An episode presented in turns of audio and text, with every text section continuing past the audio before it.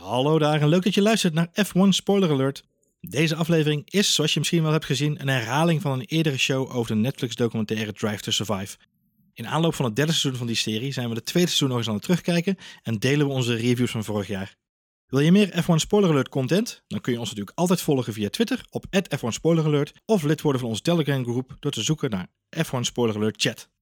Binnenkort trappen we het vijfde seizoen van onze show af. Ja, het wordt natuurlijk een feestje weer om te gaan maken. Wil je ons helpen om in dat vijfde seizoen nog meer mensen kennis te laten maken met de leukste F1-podcast van Nederland? Laat dan een review achter of deel onze podcast met je vrienden en familie. Veel plezier met deze repost van F1 Spoiler Alert.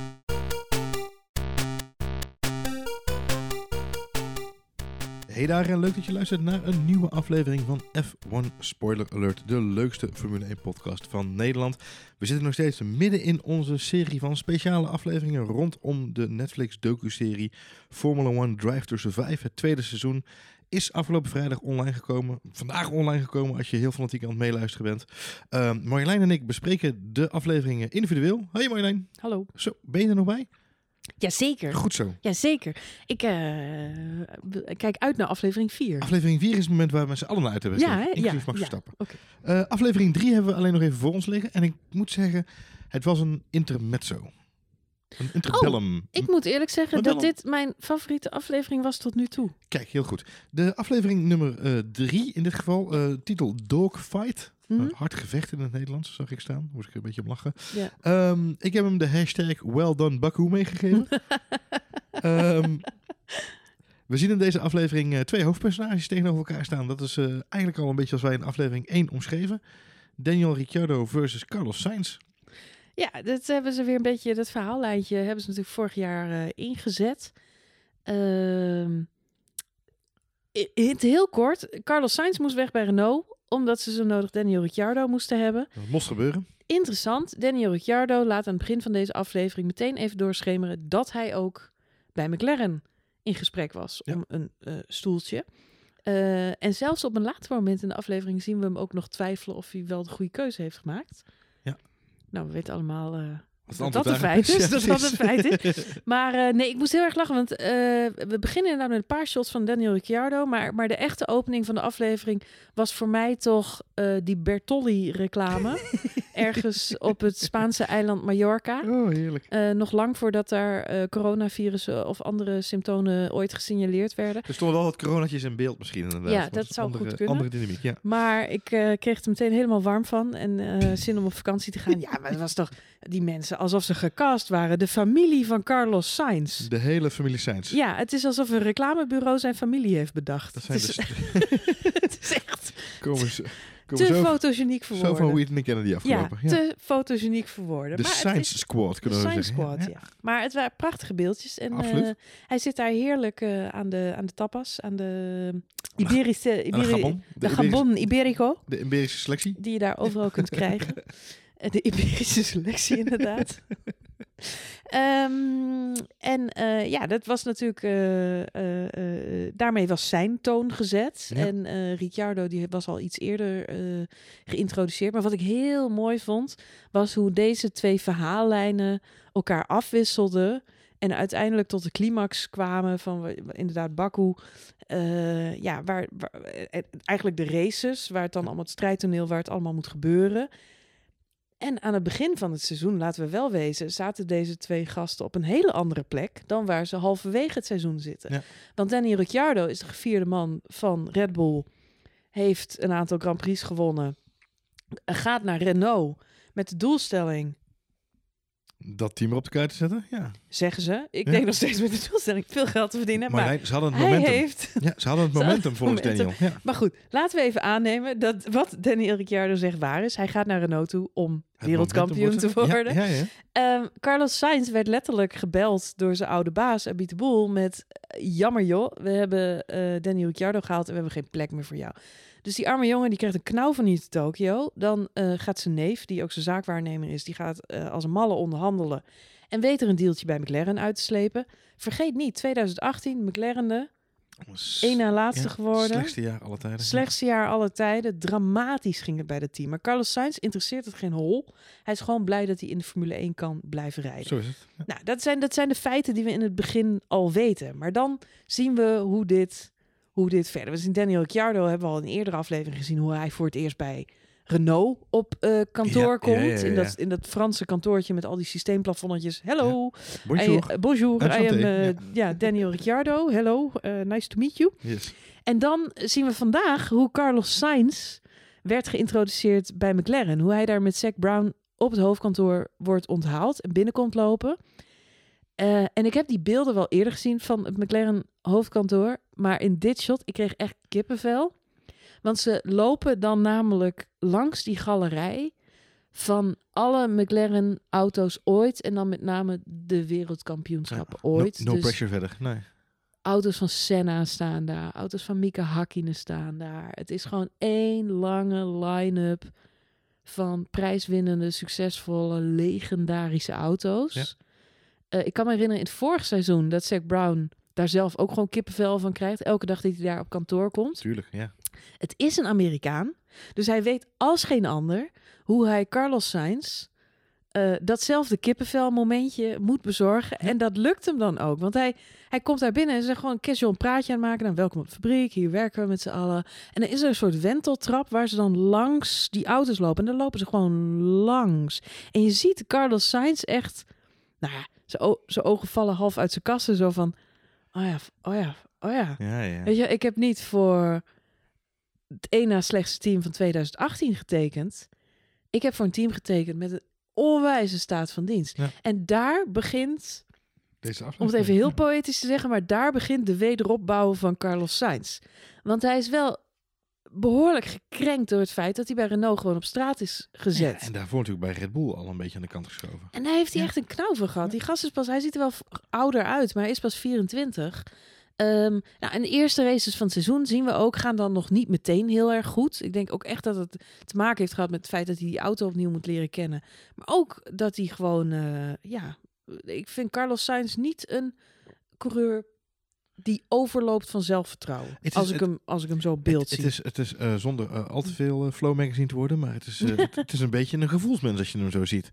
Zijn familie is heel belangrijk. Hij is heel erg bezig met bij familie zijn. En hij heeft, je ziet hem ook op een gegeven moment, hij is losgebroken van zijn familie. Hij is in Engeland gaan wonen, toen hij bij McLaren tekende. Ja, wat ik ook een heel mooi verhaal. Het deed me een beetje. Ik, ik, ik heb ooit een film gezien, The 100 Foot Journey. Dat gaat over. Zo'n eh, familie uit India, als ik het goed heb. Ja. En die verhuizen met z'n allen naar Engeland. En daar deed me die scène heel erg aan denken. dat hij daar in die Engelse supermarkt bij Marks Spencer rondloopt samen met zijn trainer. Ja, ik zoek Om, eten. eh, om nachos eh, en guacamole. Fajitas te gaan maken, Ja, ja. fantastisch toch? Nee, maar het is, het is wat je aan hem merkt, is hij is zeker in die, in die beginfase daar bij McLaren, is hij misschien nog wel aan het zoeken inderdaad naar de juiste vibe. Alleen, ik zei direct tegen jou toen hij zei, eh, ik ben verhuisd naar Engeland van dedication en, en daar moeten we het zo zeker nog even over hebben. Maar ik zei gelijk tegen jou, ook Lando Norris is eigenlijk altijd daar op McLaren HQ te vinden. Eigenlijk altijd daar dingen aan het doen. Is altijd daar of aan het, eh, eh, aan het, aan het debriefen met, met engineers. Of hij is aan het fietsen rond het, eh, rond eh, terrein daar. Want hij daar dingen aan het doen is. Dus op de een of andere manier is er wel een soort van familiegevoel ontstaan. Heb ik het idee.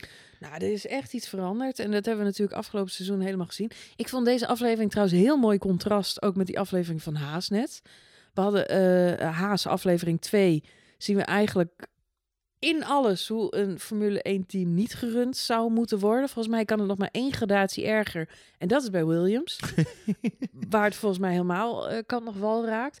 Maar het mooie van McLaren vind ik... Kijk, iedereen had een beetje pijn in 2018 om het het buitenaardse, legendarische McLaren eh, zo te zien afglijden. En don't get me wrong, dat hebben heel veel mensen natuurlijk ook nog steeds bij Williams. En ik hoop ook dat die er ooit weer bovenop komen. Maar het is heel vervelend om juist zo'n oud team ehm, ja, niet meer waar te zien maken wat ze ooit waren. Zeker als je dan weer dat hoofdkantoor met al die legendarische auto's ziet, dan denk je, kom op, hier moet meer in zitten.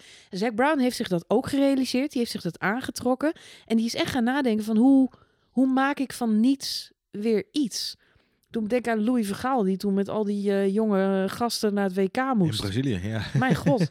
Ja, hoe moest je daar nou ooit iets van maken? En ik heb ooit wel eens een presentatie van Louis Vergaal gezien. Die ook zei van als je maar heel weinig hebt, dan moet je het zoeken in de details, in de kleinste dingetjes. De, al kun je maar 10% verbeteren. In de samenwerking. Ja, dan kan dat al een hele grote verbetering zijn. En Ja. dat zat hem bij, bij hem heel erg in wedstrijdvoorbereiding en, en analyse van de data. En hoe fit zijn bepaalde spelers. En hoe, wat is de speltactiek van de tegenstander, et cetera. Maar alles wat hij kon analyseren, analyseerde hij. Want als het al 10% beter kon, dan hadden ze al een betere uitgangspositie. Volgens mij heeft Zack Brown een beetje zo'nzelfde ehm, eh, eh, eh, ja, beslissing eh, gemaakt. Eh, na het seizoen 2018. Alonso ging eruit. Stoffen van Doornen ging eruit. Hij heeft gezegd, we beginnen gewoon met compleet nieuwe drivers eh, line-ups. Ze hebben Sainz en Norris naast elkaar gezet. Wat vanaf dag 1, en zie je ook in deze beelden...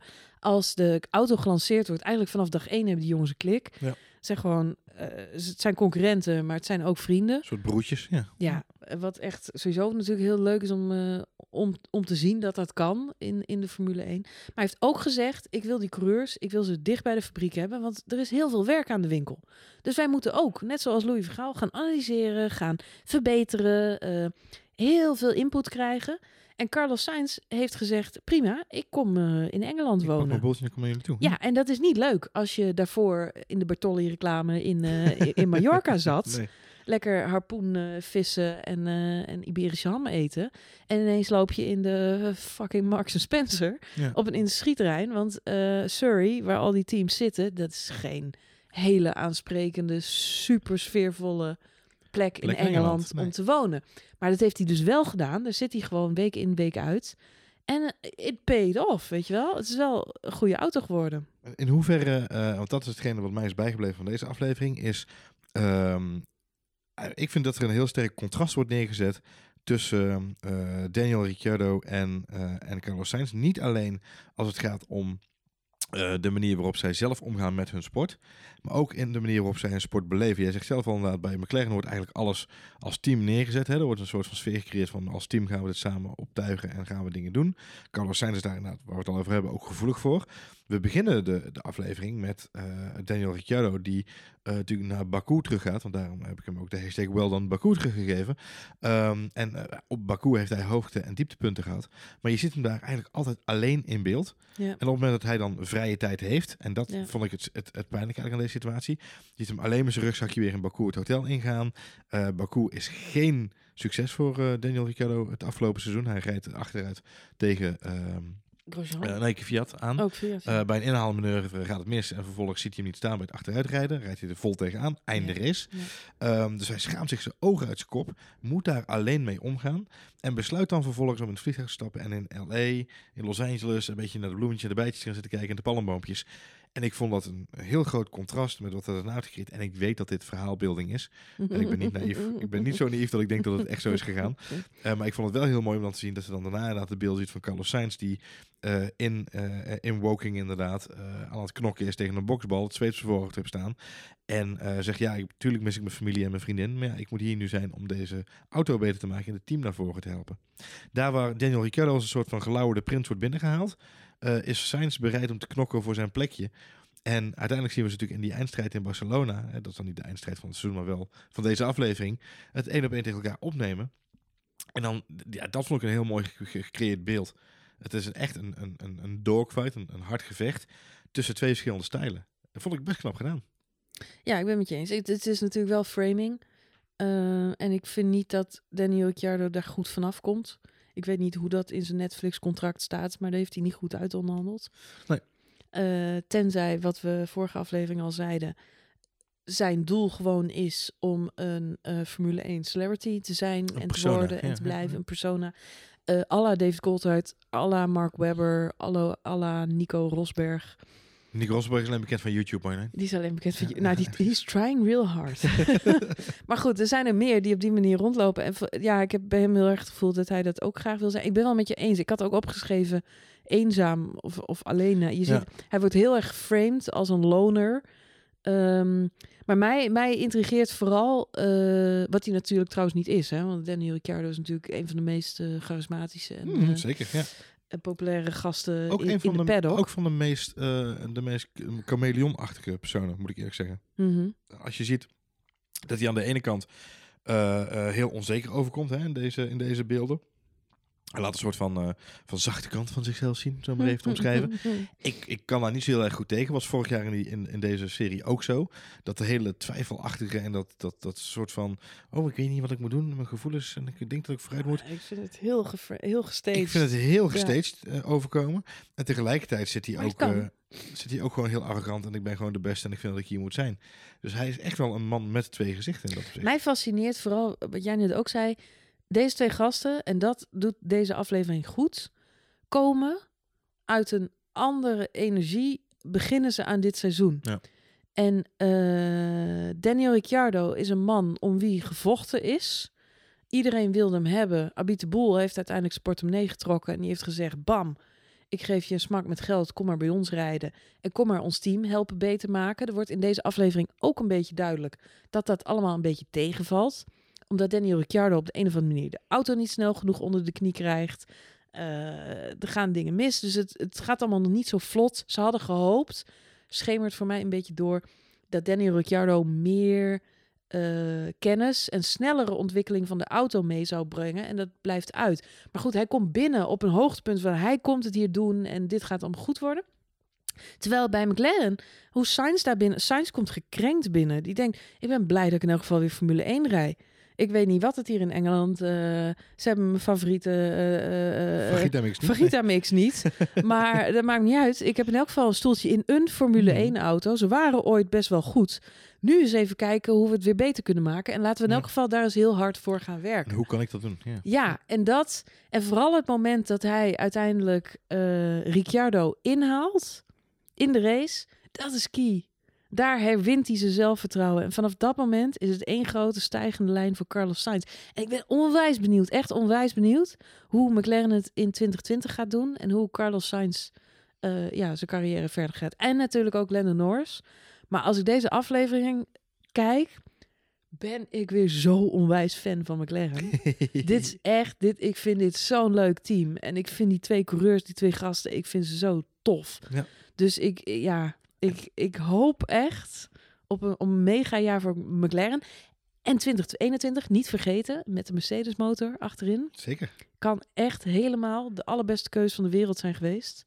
Dat Carlos Sainz eh, bij McLaren Het is zo'n ontiegelijk jong team ook. Hè? Het- nou, je zegt dat Ja. 24 is, is, is Sainz. Ah, ik gun het hem ook gewoon. Weet je, het, onderaan de streep gaat Formule 1 niet om de, om de centen die je er verdient. Je wil, je wil, bij de, je wil de beste sporter zijn. Laten we het niet het is een sport. En, eh, en dat is Carlos Sainz in deze aflevering. En eh, sorry voor alle Daniel Ricciardo fans, maar Ricciardo is op dit moment iets minder die... eh, Ik vond het zo mooi dat... de- ja, hij is meer de rockster, hè? Het is de, ja, de hij is meer de Lewis. Hamilton sport. Ja, Ja, Lewis ja. Hamilton, daar kan ik niet zoveel kwalijk nemen, want die wordt gewoon elk jaar wereldkampioen. Dus Ja. dan mag hij ook een rockster Nee, ja, zijn. maar daarvan weet je ook dat hij ook wel gewoon... Hij, de- weet je, de, ehm, eh, ik- hij is natuurlijk hier nog niet in beeld geweest. En nogmaals, het gaat ook heel vaak over framing als we deze reviews doen. Ehm, maar wat er heel duidelijk naar voren komt... Hè, hè, eh, Ricciardo zat een beetje te basketballen op een court ergens in Los Angeles. Een beetje te hippen. En, eh, en Carlos Sainz staat het zweet voor zijn ogen te stompen tegen een boksbal in, in Engeland in de regen. En dat is gewoon het verschil wat ze heel duidelijk willen, willen laten zien. Dat, dat er een, hè, Ricciardo kiest wel voor het, voor het, het rocksterrenleven, om zo even te zeggen. En Sainz puts in die effort om het, om het allemaal beter te maken. Of het echt zo in de praktijk ook is, weet ik niet. Aan de andere kant, ehm, ja, weet je, teams gaan ook akkoord, of mensen gaan ook akkoord met de beelden die ze laten zien. Dus ja. Ja, en, en ze gaan akkoord met de opnames. Waar, ik bedoel, Netflix zal niet zomaar mee zijn gevlogen naar Californië. even- oh jongens, we zijn ook hier. Ja. Gezellig. Goed, wat, wat mij verder overigens opviel is, ehm, ik weet niet hoe jij dat ervaart tot nu toe. We zijn nu drie afleveringen onderweg. Ehm, ik vind de teams en de personen allemaal best wel, af en toe zijpelt er best wel wat door dat je denkt van, oeh, dat is gevoelig. Hoe bedoel je? Nou ja, nu ook weer eh, eh, in deze aflevering maakt Abit de Boel zo'n zijopmerking. Een beetje zijwaarts van... Ja, wij... eh eh, tuurlijk balen Daniel ervan. Het was voor ons ook een rot moment als team. Dat ik denk... Oh, dat is toch weer een soort van sneertje onder water door, weet je wel. En je weet natuurlijk dat alles in de Formule 1 is natuurlijk een beetje politiek. Denk jij, denk jij dat er ehm, daadwerkelijk nog teams zijn die in de komende weken de consequenties van deze viewing gaan, eh, gaan ervaren? In onderling, zeg maar, dat er nog even wat, Oh, Wat- dat weet ik niet. Ik heb ook nog niet op Twitter gekeken of er, eh, of er al veel reacties op of zijn. er al... eh, nee, er is op Twitter een wel een beetje een no-spoiler policy. Want ik Ja. zie heel veel eh, mensen, ook aan de- uit Engeland... Iedereen verheugt zich natuurlijk op dit seizoen. En niet, niet iedereen heeft tijd om in de eerste avond meteen het hele, alle afleveringen te binge-watchen. Nee.